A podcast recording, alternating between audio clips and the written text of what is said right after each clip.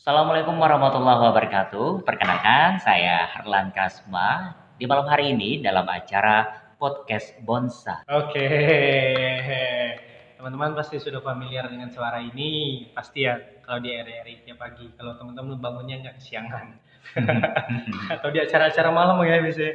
Iya, uh, Eh, Oke, teman-teman hari ini di edisi podcast Bonsa atau yang di aku sebenarnya bingung mau mau meletakkan sesi ini di Bonsa ngobrol ataupun di Bonsa rantau karena dua-duanya ada di dalam diri si Harlan Kasma ini dan aku baru tahu ternyata bukan nama asli ternyata Harlan Kasma itu. iya betul. Harlan sebenarnya nama asli itu apa? Kalau nama asli, kalau nama asli saya itu Suherlan. Oke. Nah, kebetulan saya eh, bekerja di dunia broadcasting atau dunia penyiaran. Saya ganti nama saya, tapi tidak lepas dari nama asli. Lebih enak untuk didengar, untuk diucapkan. Saya ganti nama saya Harlan Kasma, begitu. Kasma itu Kalau Kasma itu, eh, kebetulan nama orang tua saya, bapak saya namanya Kastina, ah, terus nama ibu saya Rasmina. Nah, saya kolaborasikan, saya gabungin jadi. Harlan Kasma begitu. biar nggak berat sebelah. Iya, biar nggak anak durhaka. iya, iya benar-benar. jadi apa ya, eh, nama anaknya masuk, jadi nama orang tua saya eh, masuk juga dong. Jadi eh, ini satu kebanggaan buat saya. Orang-orang juga bertanya, Kasma itu apa? Jadi Kasma itu ada kepanjangannya. Eh, K itu Kastina, yang Ma itu ibu saya namanya Rasmina. Oke. Keren kan? Iya, bisa. Jadi disingkat bagus juga sih. Mm-mm. Dan sekarang orang kenalnya Harlan Kasma. Iya, tapi kalau di kampung saya, kebetulan kan saya bukan asli Natuna Iya, sebenarnya. iya. Asli Kak. mana kalau boleh tahu? Kalau saya sih kak asli Jangan panggil Kak dong. Apa ya? Jangan bilang Kak, Bang ya? abang aja. Iya. Kalau kalau asli asli saya bang eh, Pontianak, tepatnya di Kabupaten Sambas. Orang itu oke, Orang ah, orang Sambas. orang sama sih. Aube. Aube. Baik, kalau di sini tuh emang banyaknya orang-orang Pontianak gitu ya. Iya Kalimantan. kalau di Natuna saya perhatikan sih bang banyak ya orang luar terutama orang Kalimantan Barat ada orang Pontianak ada orang Singkawang orang Sambas kalau ketemu eh, satu kampung wah senang Udah pakai bahasa Sambas lah. pakai bahasa Sambas walaupun kita tinggal eh, sudah lama di kampung orang saya tidak pernah melupakan bahasa tempat daerah saya tinggal Ya. Kebeh kan saya Kebeh, sudah lama di iya, sini iya. bang sudah lama saya di Natuna ini 2009 Eh, itu 2009. 2009 tanggal 13 bulan 7 masih ingat pakai kapal Oke, kapal. iya Perjalanan ya. perjuangan Perjuangan banget. itu pertama kali eh, pengalaman saya naik kapal dan alhamdulillah mabuk Kok mampu? iya soalnya kan belum pernah Oh, oh, nggak biasa. nggak biasa belum pernah Waktu itu Natuna masih tidak seperti sekarang ya. wah kalau dulu aduh Sinyal entah ke mana. Kalau dulu 2009 ya Bang, eh, saya pasti bang menginjakan kaki saya ke Tanah Natuna ini. Wah, saya waktu itu kapalnya singgah di Pelabuhan Penagi kan. Ya. Itu pas kita nyampe enak tuh banyak kapal. Terus di Wah. situ juga kita melihat eh, bandara kan. Oh ya. Soalnya kalau di daerah saya bandara itu kan di kota besar Pontianak, Ah. sedangkan daerah saya Sambas itu jauh tuh. Jadi wah saya kira kota Bang. Eh tiba-tiba saya tinggalnya jauh lagi tuh. Itu jauh banget tuh. Eh, saya tinggalnya di daerah Sungai Ulu. Itu Sungai Ulu. Sungai Ulu. Pertama kali tuh. Itu pertama kali Sungai Ulu. Eh, belum ada listrik waktu itu, jalannya masih kuning, pokoknya belum diaspal. Sinyal nggak ada. Eh, terasa kehidupan saya Kayaknya nggak jauh berbeda dengan apa? tempat sebelumnya. Atau malah lebih enak di sana. Kalau Di kampung maksudnya. di daerah saya Sambas walaupun di pelosok listrik aman. Oh, aman. Sinyal sinyal juga aman, Aman. aman. berarti lebih terpelosok. Jadi saya eh, apa ya mengalami kehidupan yang kembali kembali apa ya? Kembali belakang kembali ke belakang. Iya. Saya kira Natuna itu kota besar, mewah. Ah, ternyata ya Jauh dari ekspektasi. kayaknya ya jauh banget. Ternyata kampungnya itu lebih parah gitu. Oh, oke. Bukan. Enggak betul. Ini ini harus jujur. Harus Iya. jujur untuk Jadi parahnya gimana? Saya kan eh, pengennya luar da- eh, keluar dari daerah, keluar Ya. dari kampung itu Ah. kan eh, lebih baik lagi, lebih Ya. berkembang lagi tempat-tempat kota seperti apa? Eh ternyata lebih apa ya? Ya sama aja. Jadi sama aja gitu. malah malah lebih jauh dari kampung ya kampung halaman ya? jauh. Pokoknya listrik nggak ada, eh, terus nonton TV juga susah, sinyal nggak ada. Punya handphone yang yang mahal, yang bagus juga percuma. Itu 2009 saya 2009. ingat.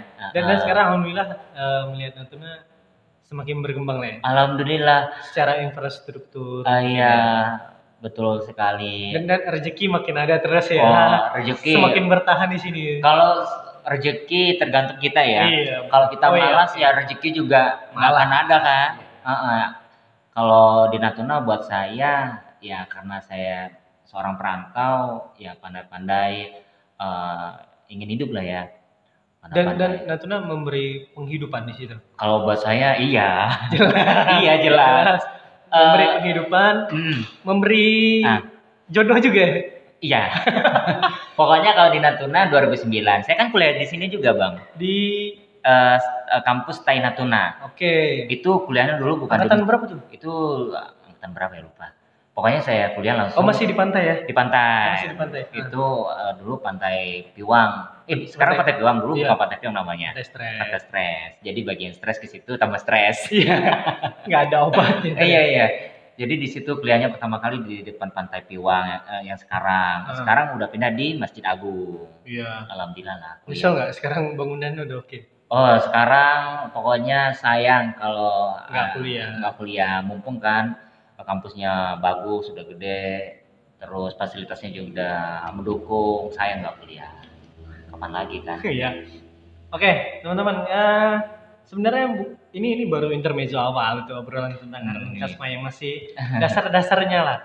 Eh, sekarang gantian kan biasanya dia yang mewawancarai orang-orang, sekarang giliran dia yang Emang diwawancarai. wawancara apa nih Oh ya, wawancara di ini RRI misal kayak gitu. oh iya iya iya Jadi aku akan nanya beberapa hal yang kayaknya ada hal yang belum pernah diungkapkan mungkin sama seorang sih? Har- Harlan Kasma gitu. apa apa tuh Eh, pertama ini pertanyaannya mungkin cukup sensitif dan Hmm, mengejutkan. ya? Saya, eh, Harlan ini feminin atau maskulin sih? Atau dua-duanya ada di dalam diri Harlan? Kalau buat saya sih, Bang, kalau sesosok Harlan ya, diri saya dibilang feminim ya ada, dibilang maskulin juga eh, ada tapi nggak banyak gitu. Eh, apa ya kalau buat saya ingin saya eh, menjadi sesosok yang benar-benar saya laki-laki yang maskulin begitu laki-laki yang seperti Laki-laki di luar laki sana? iya laki-laki yang seperti biasanya cowok Iya. gitu. Eh, nah saya juga nggak tahu kenapa saya apa ya dalam diri saya eh, beda saya perhatikan teman saya eh, dia berbeda sama saya begitu ya itu dari eh, gaya saya sebenarnya Bang. dan capek nggak sih menjadi seorang Harlan? kalau di awal memang saya capek sebenarnya karena apa dalam diri saya kalau eh, dilihat ya itu benar-benar buat saya menjadi tantangan sebenarnya bang Tantangan gimana tuh? begini eh, saya ingin menjadi eh, sosok lelaki yang benar-benar laki betul gitu laki-laki Laki banget lah laki ya. banget begitu tapi tidak bisa karena saya punya karakter yang agak berbeda dari cara saya dari fisik saya ketika saya berjalan begitu. Itu kayak uh, gemulai gitu bang. Saya juga bingung kenapa saya kok bisa gemulai begitu? Itu yang menjadi tantangan kehidupan saya. Jadi sempat sempat ingin ini nggak sih? Sempat ingin melawan keadaan itu nggak? Iya sempat. Dalam artian uh, menerima atau enggak sih? Dan bagaimana proses menerima menjadi seorang Harlan itu saya dulu uh, karena karakter saya yang peminim ini bukan saat saya dewasa. SD SMP SMA sampai sekarang begitu dengan karakter ya feminim ini yang terkadang bikin saya ada malu terkadang saya merasa minder. Oh, uh, atau bahasa kini insecure gitu? Iya jadi apa ya dulu saya pokoknya minder sama teman-teman saya. Belum lagi teman-teman saya ngeledekin saya. Kamu nggak cocok berteman sama anak laki-laki. Ya begitu. Karena apa ya kadang teman-teman saya yang di sekitar saya itu malu untuk berteman sama saya. Malu? Iya. Karena? Karena dengan keadaan si Harlan ini? Iya. Dengan karakternya saya kecewek-cewekan begitu bang hmm. padahal saya itu uh, tidak menginginkan dengan keadaan saya seperti ini yang lemah gemulai yang uh, biasanya orang bilang ngondek begitu bang hmm. Da, um, bagaimana sih hmm. seorang haram tuh bertahan kan ini dari kecil nih hmm. dari SD SMP SMA gitu kan hmm. Bagaimana cara seorang haram bertahan dari uh, bisa dibilang bully-bulian dari teman-teman itu gitu loh dari ketidakterimaan uh, di lingkungan Harlan gitu? Dulu waktu saya SMP kan saya kalau berteman dibilang milih-milih enggak cuman orang yang lebih banyak menghindari saya karena oh, malu. okay. begitu bang. Uh, kamu bencong ya? Sampai sampai segitunya? Iya sampai sebegitunya. Kamu bencong ya? Kamu uh, cocok berteman sama kita begitu. Kamu itu cocoknya berteman sama cewek. Padahal saya digituin saya ada rasa malu saya juga ada merasa benci agak merasa marah. Karena saya tidak merasakan apa yang teman-teman saya katakan kepada saya hmm, okay. gitu uh, saya dulu minder kurang percaya diri dari SD, dari SMP, SMA, kuliah. Kuliah gitu juga? Begitu juga dari SMP, SMA, SMP, SMA, kuliah. Saya selalu dijulukin uh, orang mengatakan saya adalah bencong, tanda kutip itu eh, laki-laki uh, yang gak normal. Oke. Okay. Dan, dan dan itu pas menurut menurut eh Hmm. Kalau aku sendiri yang dikatakan seperti itu kayaknya sulit sulit untuk menerima dan bertahan selama bahkan mungkin sampai sekarang mungkin. Ya. Kalau buat saya ya bang, itu memang sulit buat saya. Uh, terus uh, buat saya untuk menjadi sesosok Harlan tidak mudah. Perlu saya ini uh, bisa seperti ini. Saya apa ya lebih uh, saya harus memikirkan masa depan saya. Bagaimana orang yang mengatakan saya nanti kenyataannya akhirnya saya tidak seperti ini begitu. Saya modal saya adalah sampai sekarang harus percaya diri saya harus punya kemampuan kelebihan gitu dulu saya sempat menangis bang menangis hmm. kenapa saya kan diledekin, ya. dibilang waria, bencong, kamu nggak cocok berteman saya, nanti kamu uh, kerjanya di salon atau segala macam. Karena saya minta, minta doa kepada Allah kan. Saya tidak mau seperti ini ya Allah. Saya bilang, saya itu harus menjadi orang sukses. Saya itu harus uh, apa ya? Orang yang mengatakan saya itu jangan sampai terjadi uh, untuk kehidupan saya.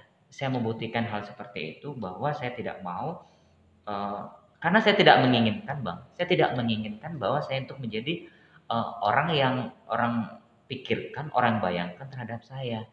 Contohnya saya menjadi uh, waria saya harus merubah diri saya begitu. Tapi jujur saya ingin berusaha bang. Berusaha untuk merubah diri saya. Tapi sampai saat ini saya tidak bisa uh, menghilangkan karakter saya yang lemah gemulai. Oke. Artinya itu memang sudah bawaan ya?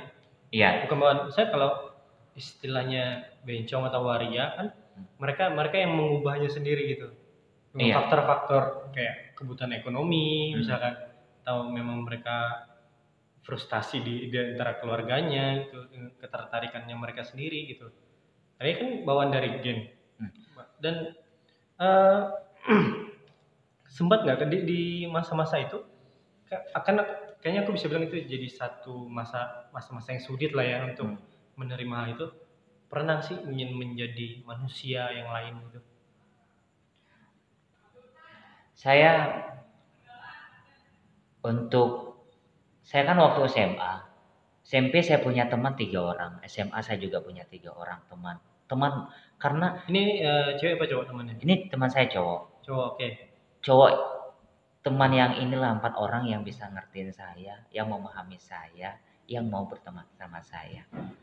Karena ke tempat eh, ketiga teman saya ini yang ketika saya ingin curhat ketika mereka eh, ketika saya diledekin ketika saya dibully mereka lah yang memahami saya yang membantu saya.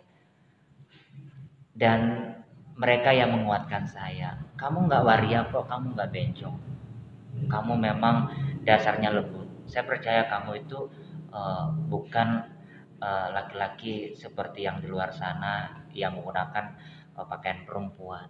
Begitu. Saya pernah diajarin waktu SMA sama teman saya untuk eh, berjalan seperti apa. Begitu. Berjalan eh, layaknya sebagai seorang lelaki, laki-laki Ya. Karena ah. teman saya jujur, saya itu lebih ke cenderung eh, teman laki-laki dibanding saya punya teman waria yang Hmm. lemah gemulai begitu. Karena saya harus menghindari supaya saya itu tidak tidak terpengaruh. Intinya bang, eh, orang kan berpikir tentang saya adalah waria Iya. bencong begitu ya. Tapi saya menghindari bahasa seperti itu dengan saya ya apa ya?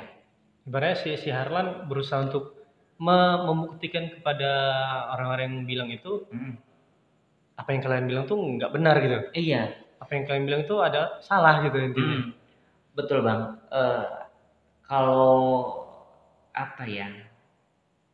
Saya juga bingung ya. Eh, sampai kapan sih? Gitu.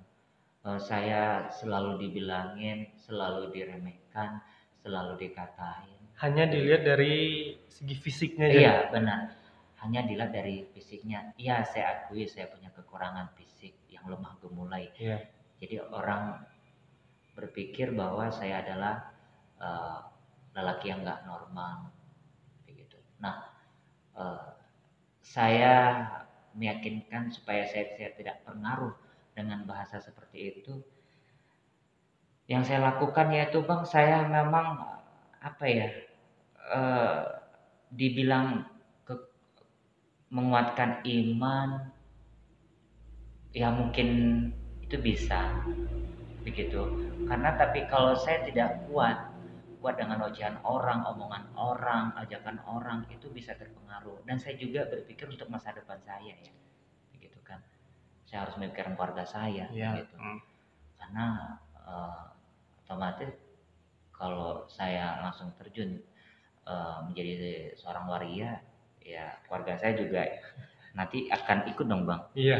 akan ikut tercemar juga nama keluarga saya karena keluarga saya tidak ada yang namanya waria begitu bang tapi kalau lembut lemah gemulai ada tapi bukan waria begitu Oh, Oke, jadi memang secara biologis ada turunannya ibarat gitu ya. Mm-mm. Misal kayak misal orang yang eh, cacat ada turunan juga biasanya itu cacat. Nah, eh, dan dan itu kayaknya sampai sekarang sih? sampai sekarang Sampai sekarang. iya Tapi eh, porsinya ataupun itunya lebih besar nggak sekarang? Atau ya perlahan berkurang lah orang-orang yang bilang seperti itu. Sama aja bang, Sama aja. sama aja bang. Nggak ada perubahan. Nggak ada perubahan karena, Kan kan, Nah. kan kemarin tuh teman-teman sekolah nih. mm, Nah sekarang lingkungan siaran kan lebih luas nih. jadi saya eh, sekarang karena saya udah punya pekerjaan, saya sombong.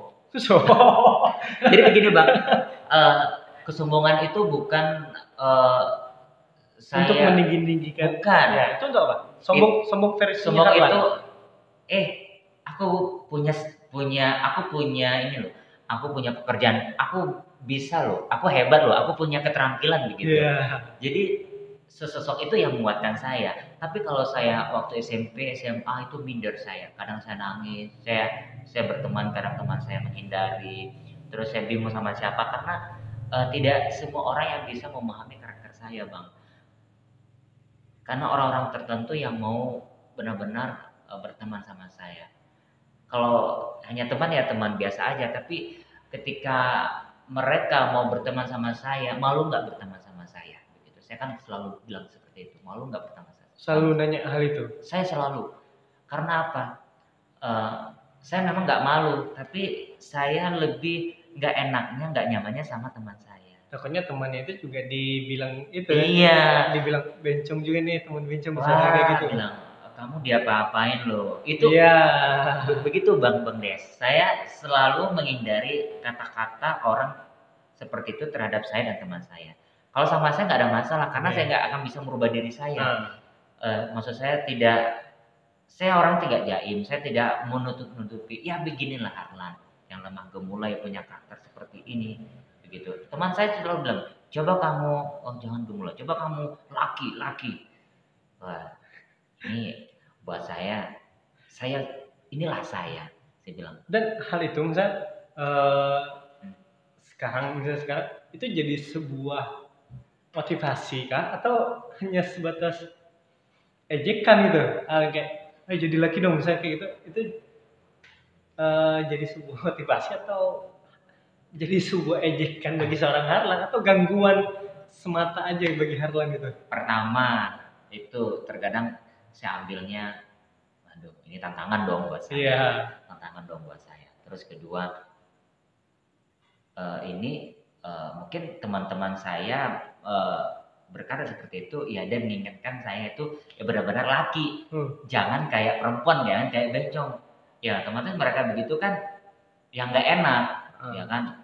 Takutnya temannya berpikir, wah namanya juga eh, apa ya eh, orang yang setengah, yang setengah berteman sama yang normal, teman. Wah, akhirnya orang berpikir begitu, teman saya menghindar gitu. Itu yang saya menghindari. Aku nggak, eh, saya juga nggak mau kalau orang itu berpikir terhadap saya dan teman saya.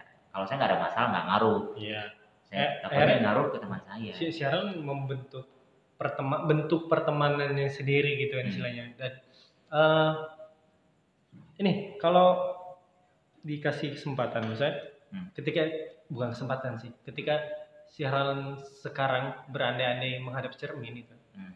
apa yang mau seorang Harlan sampaikan kepada Harlan Saya sebenarnya bang ingin menjadi lelaki yang normal. Saya tidak mau eh, seperti ini. Saya nggak mau eh, kehidupan ibaratnya di sana hidup, di sini hidup. Saya di tengah-tengah. Saya nggak mau seperti itu.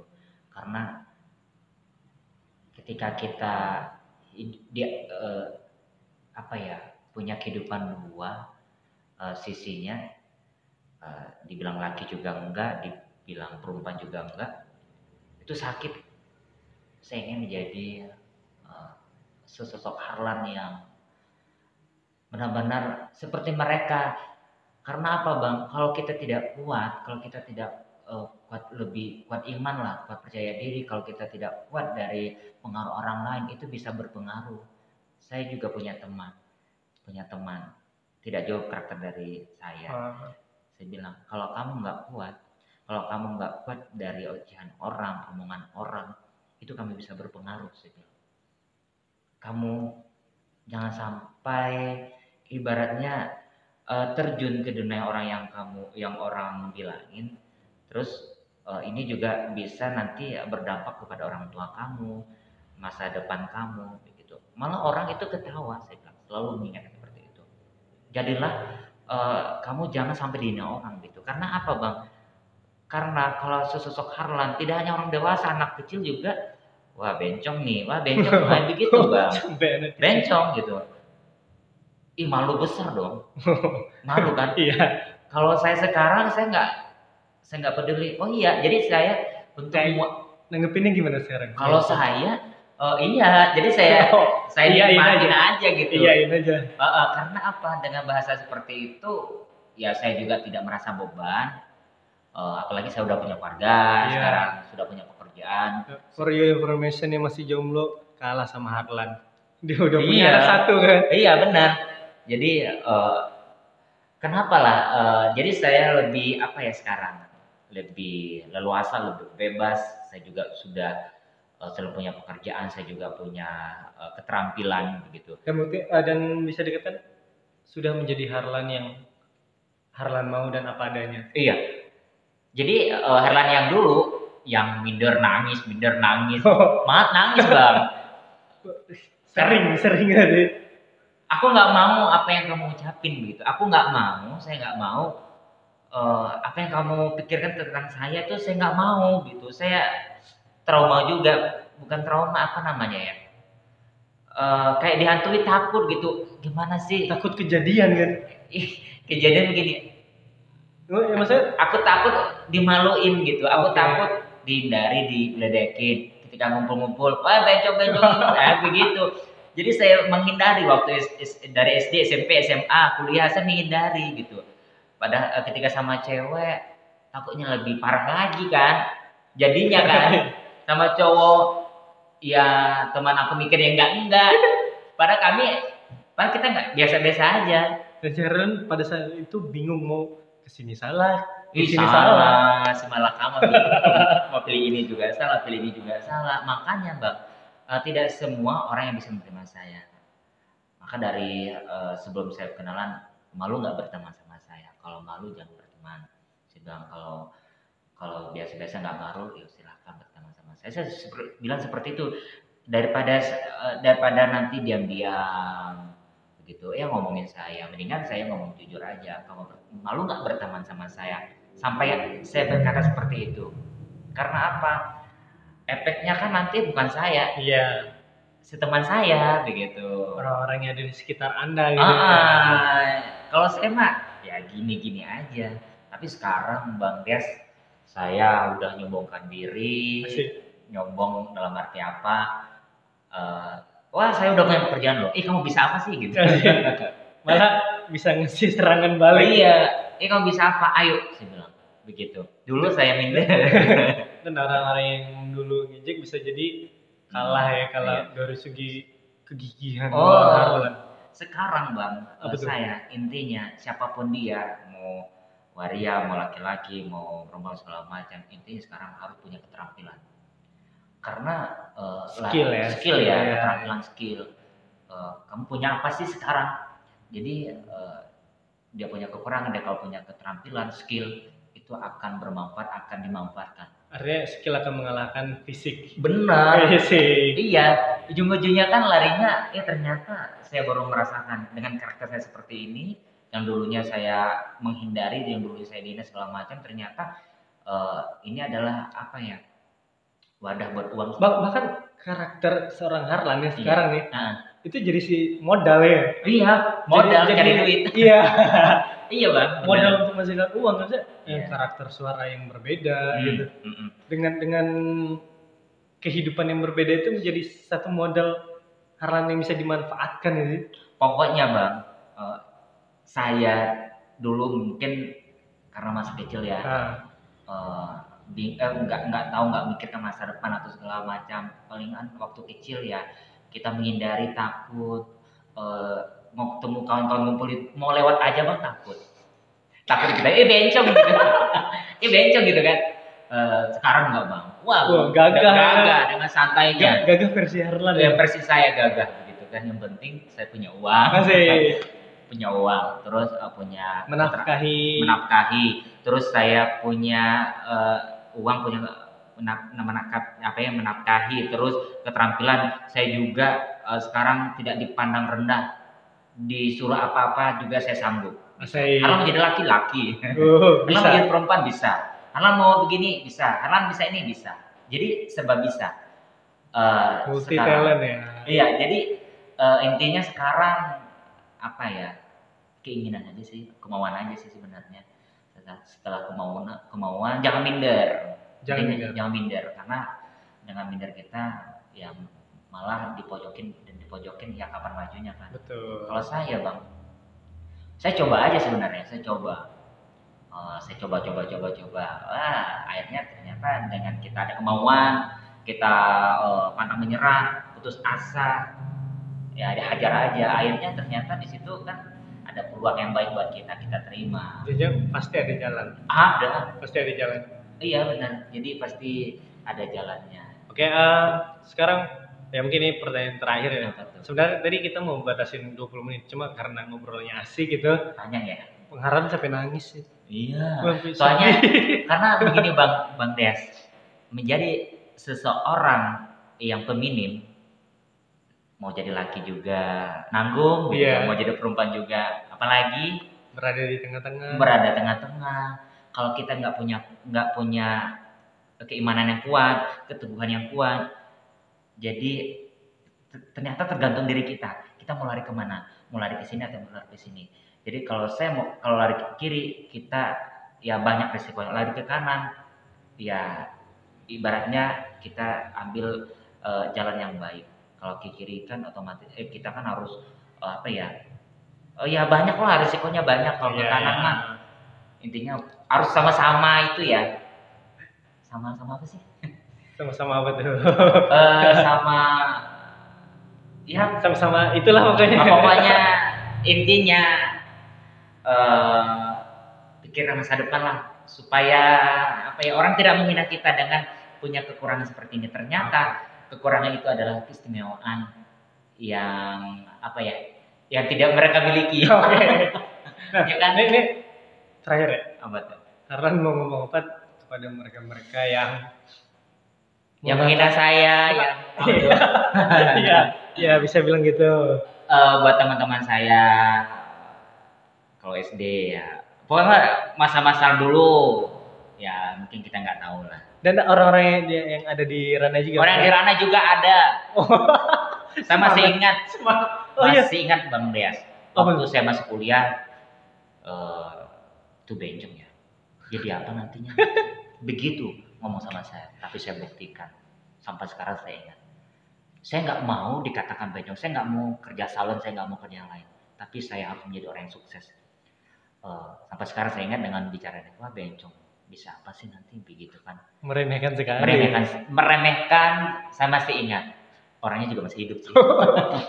Nggak usah disebutin nggak perlu disebutin. Pokoknya eh, buat orang-orang yang memandang orang yang mungkin sekarang dulunya dia tidak eh, bisa apa-apa yang dulunya hanya orang yang apa ya yang punya kekurangan lah begitu ya. Apalagi kekurangan dari segi fisik eh, yang seperti saya begitu ya.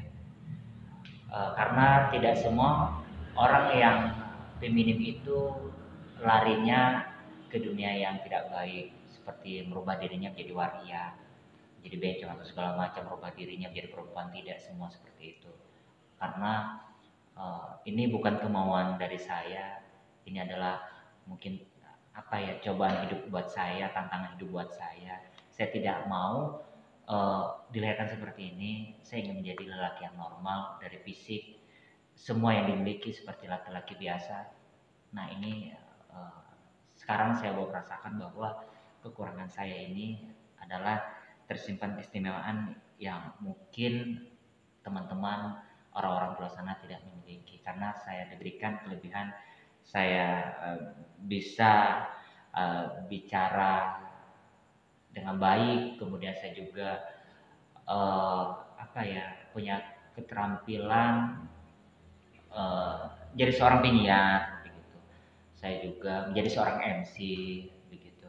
Ternyata dengan kekurangan saya itu saya jadikan apa ya nilai jual untuk hidup saya bahwa menjadi seorang feminim yang lemah gemulai itu tidak hanya kerjanya di salon atau apa tapi bisa juga menjadi seorang public figure seperti saya menjadi seorang penyiar Siap. menjadi seorang MC Siap. dan juga saya pernah main film Wah, layar lebar kalian yang mengejek kalah ya. oh ya teman yang mengejek saya itu kalah saya juga sudah punya pekerjaan saya sudah menjadi pegawai terus kalian mau menghina saya saya senyumin saja yang penting saya setiap bulan dapat duit.